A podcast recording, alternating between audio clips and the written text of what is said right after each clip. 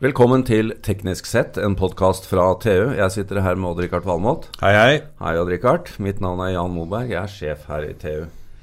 I dag Odd-Rikard, skal vi snakke om nok av et av dine 350 favorittområder. Mm, det skal vi, og dette er en ordentlig favoritt, faktisk. En ordentlig favoritt, Ja, for jeg har hatt Du har hatt vi skal, snakke, vi skal snakke om aluminium i bil.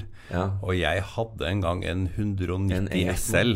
Eh, nei, Å, en Mercedes. Mercedes, 58-modell.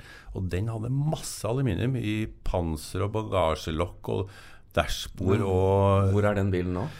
ja, det, er, det er så trist. En trist historie. Jeg, jeg, jeg, har jeg Skal vi gå videre? Jeg har solgt den. Nei, altså den, eh, jeg, har, jeg har tapt hundretusener ved å selge den for tidlig. Ja, dette Ja. tror jeg kunne blitt en egen podkast, men jeg tror vi skal eh, gå videre.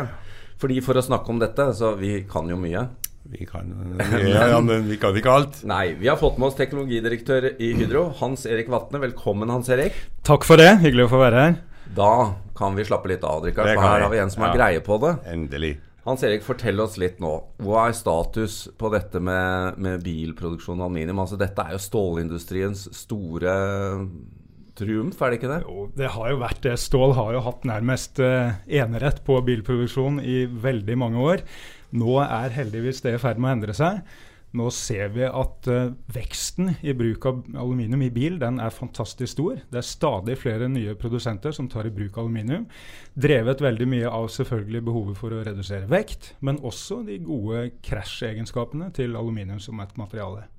Ja, fordi det er jo kanskje noe som er litt underkommunisert. Uh, altså, uh, ta Korriger meg her. Altså, det å bruke stål er jo tungt i forhold til aluminium. Men når du bruker aluminium, så må du da bruke litt tykkere formasjoner enn du bruker på stål? Ja, det må du jo som regel. Det er jo ikke noe tvil om at stål også er et godt materiale. Det er sterkt, eh, men det er jo tre ganger så tungt som aluminium i utgangspunktet.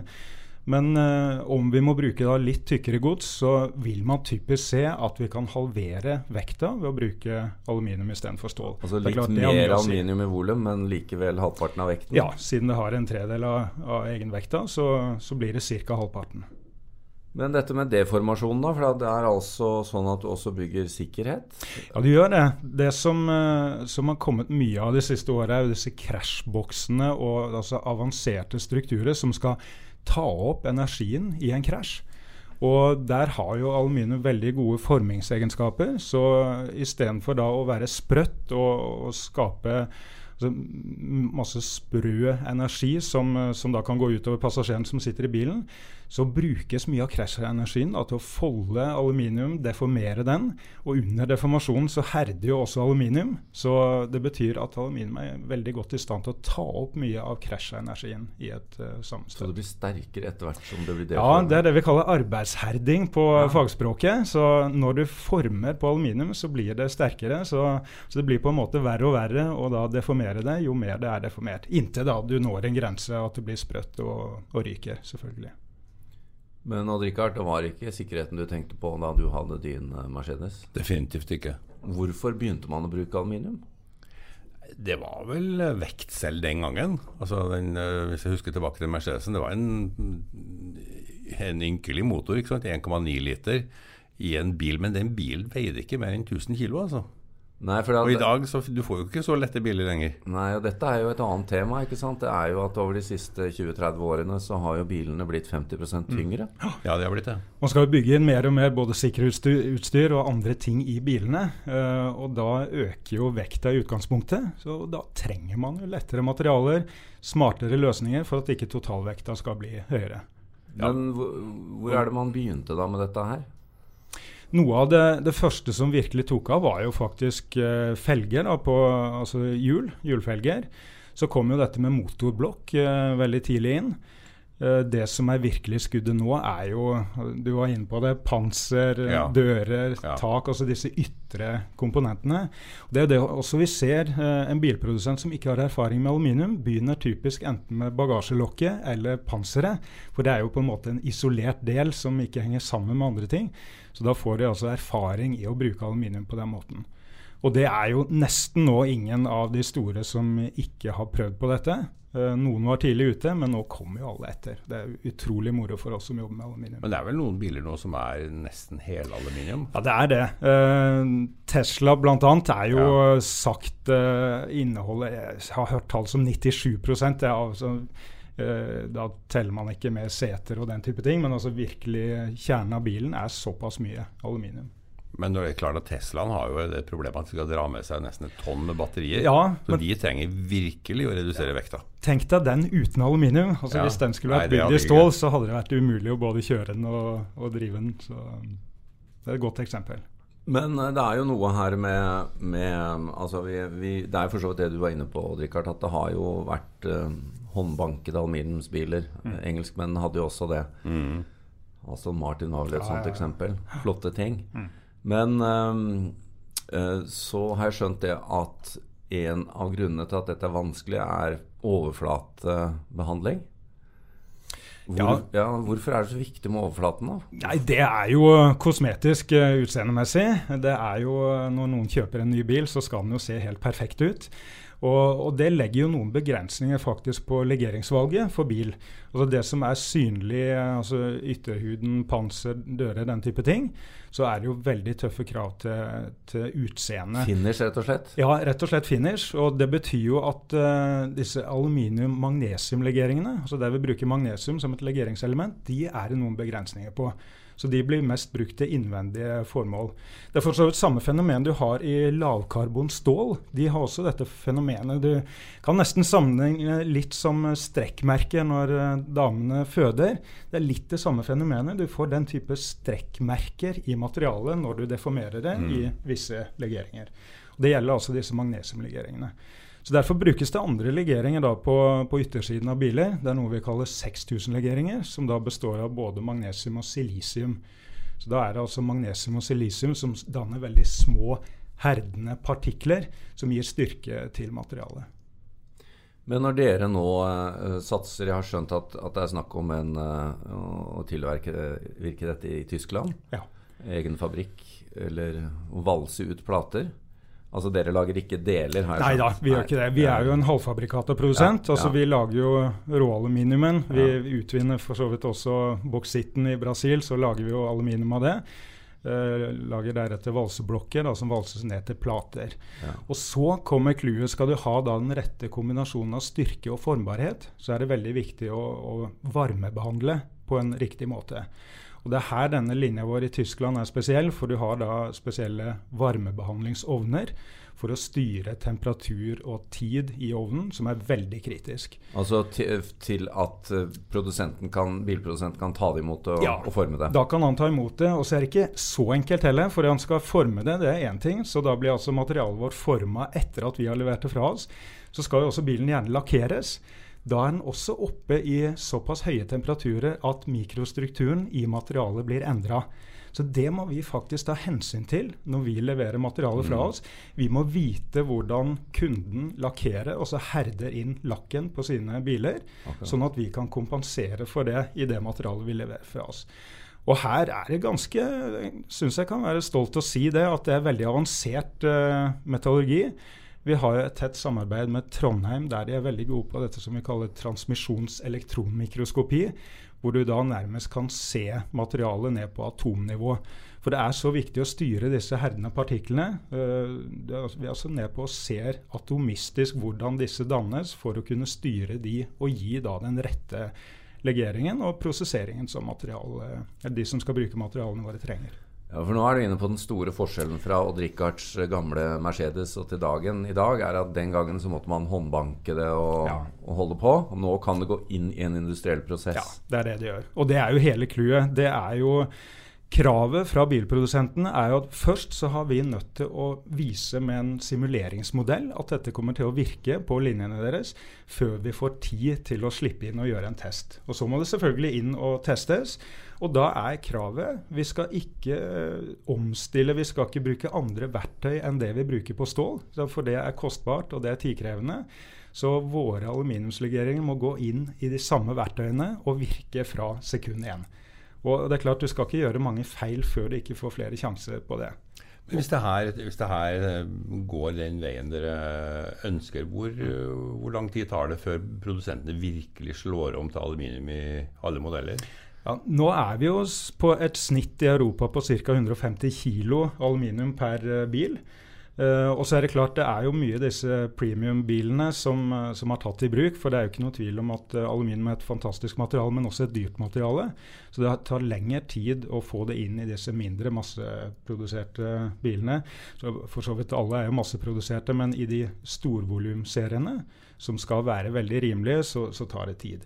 Men uh, det vi ser, er jo at det er en vekst på si en 15-20 uh, hvert år. Mm. Spesielt på dette med materialer til ytterhud, uh, panser, dører, den type ting. Så det er jo prognoser da som ikke kommer fra oss, men fra, fra nøytrale analyseinstitutter som, som sier at det er ikke lenge til vi nå kommer til å være oppe i 200 kg i snitt, og da på alle biler. Så fram til 2020 så, så, forventer vi det. Og premium, da snakker vi om 500 kg, eller? Ja, altså det er uh, per i dag biler som, uh, som har oppimot 500 kg. Uh, jeg vil si kanskje typisk mellom 300 og 500 kg. Ja. Land Rover Jaguar er vel kanskje de som ligger aller høyest. Da snakker vi 500 kg på en, på en Range Rover f.eks. Og så er det litt, uh, litt, i underkant av det. Men da må du jo faktisk få godt betalt når du skal skrape den bilen en gang. Ja, du, du, nøyer deg ikke med 3000 kroner da? Nei, det, det, er klart. Det er jo det fantastiske med aluminium. Ja. da. Dette kan jo vi smelte ned når det ja. har gjort funksjonen sin i et produkt. Bruke det om igjen. Og det er like godt som ny aluminium. Så det er klart det er noen utfordringer med det. Og det er jo at vi bruker så mange forskjellige legeringer. Ja, og de kan vi jo ikke blande. Nei. Så Nei. det er den store utfordringen med resirkulering aluminium. Må sortere aluminium innbyrdes. Det må sorteres. Mm. Og det er klart, hvis du da har en bilfabrikk som ikke er flink til å sortere, og vi får et blanda eh, skrap tilbake til våre fabrikker, da blir det utfordrende. Men Derfor jobber vi også da med sorteringsteknologi. I dag eh, brukes mye røntgen til å gjenkjenne forskjellige materialer. Røntgen baserer seg på prinsippet om eh, tetthet i, ja. i, materialene. Og så er det da utfordrende at noen av legeringselementene i aluminium de har relativt lik tetthet, og relativt lik tetthet med aluminium. Så det er vanskelig med røntgen å sortere forskjellige aluminiumslegeringer. Så Derfor jobber vi også da med neste generasjon, som er da å bruke laser for da kan vi være i stand til å skille forskjellige legeringer, og i hvert fall legeringssystemer. Men hvor mange typer legeringer er det vi snakker om? Ja, Det er veldig mange. Noen det er jo, Nei, vi snakker uh, hundretalls. Altså det er, uh, det er, et internasjonalt uh, system med ti forskjellige klasser. Men det er klart, innafor hver klasse så er det jo altså Det fins jo så mange patenter på legeringer, så det er jo hundretalls av legeringer. Og Hydro lager jo også ja, sikkert 100 forskjellige legeringer som vi leverer til forskjellige kunder. Og Det er jo nettopp da for å skreddersy og optimalisere til akkurat den anvendelsen som kunden er opptatt av. Det er her det ligger vår forse. Vi har mm. veldig tung metallurgisk kompetanse i Norge og i Hydro. Ja. Og da kan vi jo nettopp skreddersy da inn til helt spesielle anvendelser. Altså Både formbarhet og styrke og ja. alle disse egenskapene? Det er jo det som er viktig, å få til den kombinasjonen. Og der er jo naturen vrang i utgangspunktet. Eh, har et materiale høy styrke, så har det som regel lav formbarhet. Mm. Og så ønsker du begge deler. Mm. Så det er jo Det er som oss, det, Odd Rikard. Ja. Men uh, Hans Erik, dette er jo superspennende. Men bare for, for å forstå, blir nå bilene likevel bare tyngre? Altså, det som er den store trenden nå, er jo elektrifisering. Ja. Og der skal det jo inn enormt tunge batteripakker. Ja, men disse så, motorblokkene er tunge òg? Ja, de er tunge. Og... Uh, og, og, så ser man jo noen i dag, da pga. denne redselen for å stå der uten strøm på batteriene, så har man hybrider hvor du drar både på en motor og, og batteri. batteri. Ja. Det er klart, da blir det tungt. Ja. Uh, så jeg vil jo tro at uh, det kommer opp bedre løsninger der etter hvert. Men uh, at det i hvert fall de neste åra blir, veldig sterk fokus på elektrifisering av biler. Dermed blir det jo tunge batteripakker og gode muligheter for oss da, som en produsent av aluminium, for du trenger lette biler. Ja, Det resterende, ja. Mm. ja.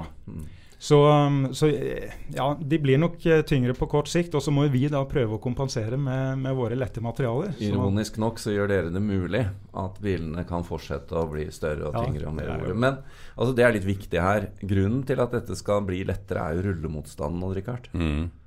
Eh, uh, fordi dette med, dette med, luftmotstand, det er det jo bare én løsning på. Det er, det er å ta en eller annen klump inn i en vindtunnel, og så får du svaret. Ja, og da ser alle ut som en Tesla. Ja, ja, det er vel sånn uh, det er. Eller? Ja, helst en dråpe, men uh, ja, ja. Jo, men, eh, men vi, vi, kan jo klage litt over at veldig mange bilmodeller nå ser like ut. Men det, det er jo litt av svaret, da. Ja, ja, selvfølgelig. Ja, det er jo det. Og det er jo noe også som faktisk er en, en liten fordel for aluminium. Det, at uh, designfriheten gjennom å ha da et veldig godt formbart materiale er, er veldig god. Så, så, det er jo kanskje noe av det også som, uh, som bilfabrikantene vil skille seg ut på framover. Det er jo ikke form, grunnformen, men mer disse designdetaljene. Og da blir jo eksempelvis formbarhet da ekstremt viktig. Du kan lage litt fancy detaljer for å, for å skille den ene fra den andre. Uh, hvis du kan, hvilke av disse bilprodusentene ligger i tet nå, både på å benytte aluminium i, uh, i produksjonen? Altså, vi jobber jo veldig mye sammen med disse tyske premium-produsentene. BMW, eh, Mercedes, eh, og de ligger veldig langt framme. Eh, Jaguar uh, Land Rover er også veldig gode på bruk av aluminium. Men de har et tett strategisk samarbeid med en konkurrent av Hydro, så der er vi ikke så tett inne. Du vil ikke skryte så mye Nei, vi vil ikke skryte så mye av det. Vi, vi leverer også til de, for det er jo ingen som vil knytte seg til en eneleverandør. Men, men, disse tyske ligger veldig langt framme. og det er kanskje BMW vi jobber tettest med, men både BMW og, og Mercedes leverer vi mye til.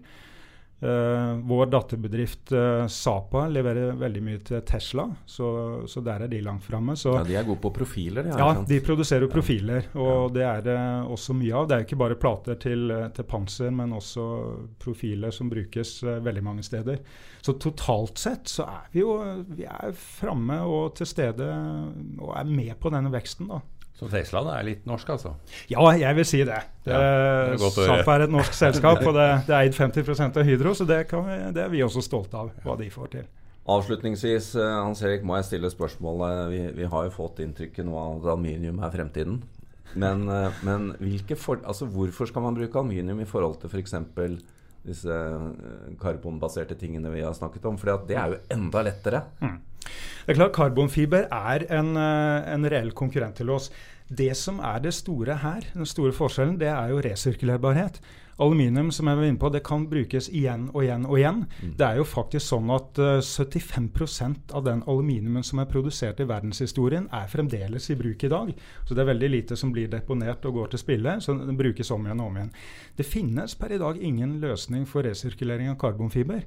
Og Det er signalet vi også får fra bilprodusentene, at de nå er veldig forsiktige med å bruke det, fordi at det ikke finnes en løsning for det. Dette er noe som forbrukerne er veldig opptatt av. Og kravene fra myndighetene kommer? de kommer. Så, så, ja, det er et godt materiale, men det er ikke noen god løsning på det. Og det er jo selvfølgelig en fordel for oss. Mm. Og Richard, dette var lærerikt. Det var det, absolutt. Vi eh, skal lage, komme tilbake vi med en episode om, eh, om mer produksjon av aluminium. Og da håper vi å høre fra deg igjen, Hans Erik. Takk. Bare hyggelig. Takk skal dere ha.